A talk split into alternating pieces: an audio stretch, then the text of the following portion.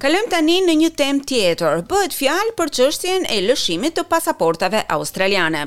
Në të gjithë vendin janë rritur në mënyrë të ndjeshme periudhat e pritjes për marrjen e një pasaporte. Me sa duket, nuk ka shpresa për përmirësime. Ndërkohë, Mijëra australianë presin që të marrin pasaportën përpara se të udhëtojnë pas dy vitesh izolimi nga Covid nëntëmbëdhjetë. Përpara pandemisë, zyra e pasaportave merrte rreth shtatë mijë deri nëntë mijë kërkesa në ditë. Ky numër arriti një rekord të ri të martën, kur numri i kërkesave kaloi në gjashtëmbëdhjetë mijë e pesëqind. Ndjekim raportin.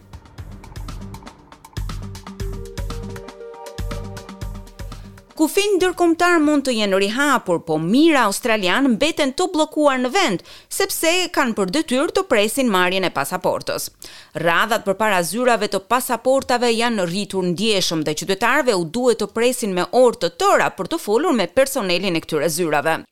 Ka nga ata që kanë pritur me muaj të tërë për të marrë një pasaportë. SBS foli me disa persona të cilët gjendeshin në radhën e pasaportave. I've called and called and there's no answer so I gave up and just came here.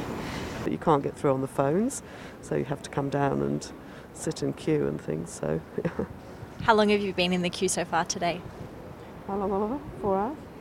Four, five hours yeah I have processed an, app an application, sorry, about oh, nine and a half weeks ago, and I'm starting to get a little nervous and stressed, so I thought I'd line up today. Janë këta disa nga personat e shqetësuar që mezi presin të marrin pasaportën e dëshiruar.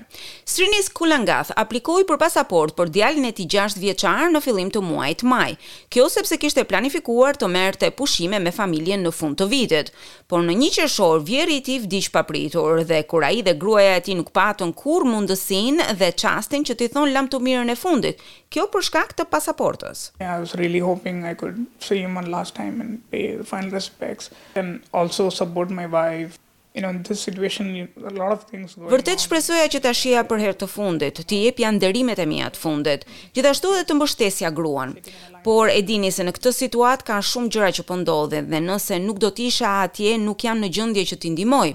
Këtu jam i pafuqishëm, jam ulur në radhë gjithë ditën vetëm sepse dua që të bëj diçka.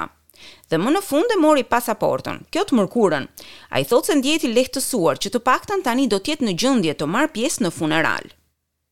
The the struggle I had to go through in the last few days uh, to to get it and now you know another struggle to go there and be M'u desh të bëja një betejë të vërtetë për të marrë këtë pasaportë. Tani do t'i futem një beteje tjetër që është rruga deri atje.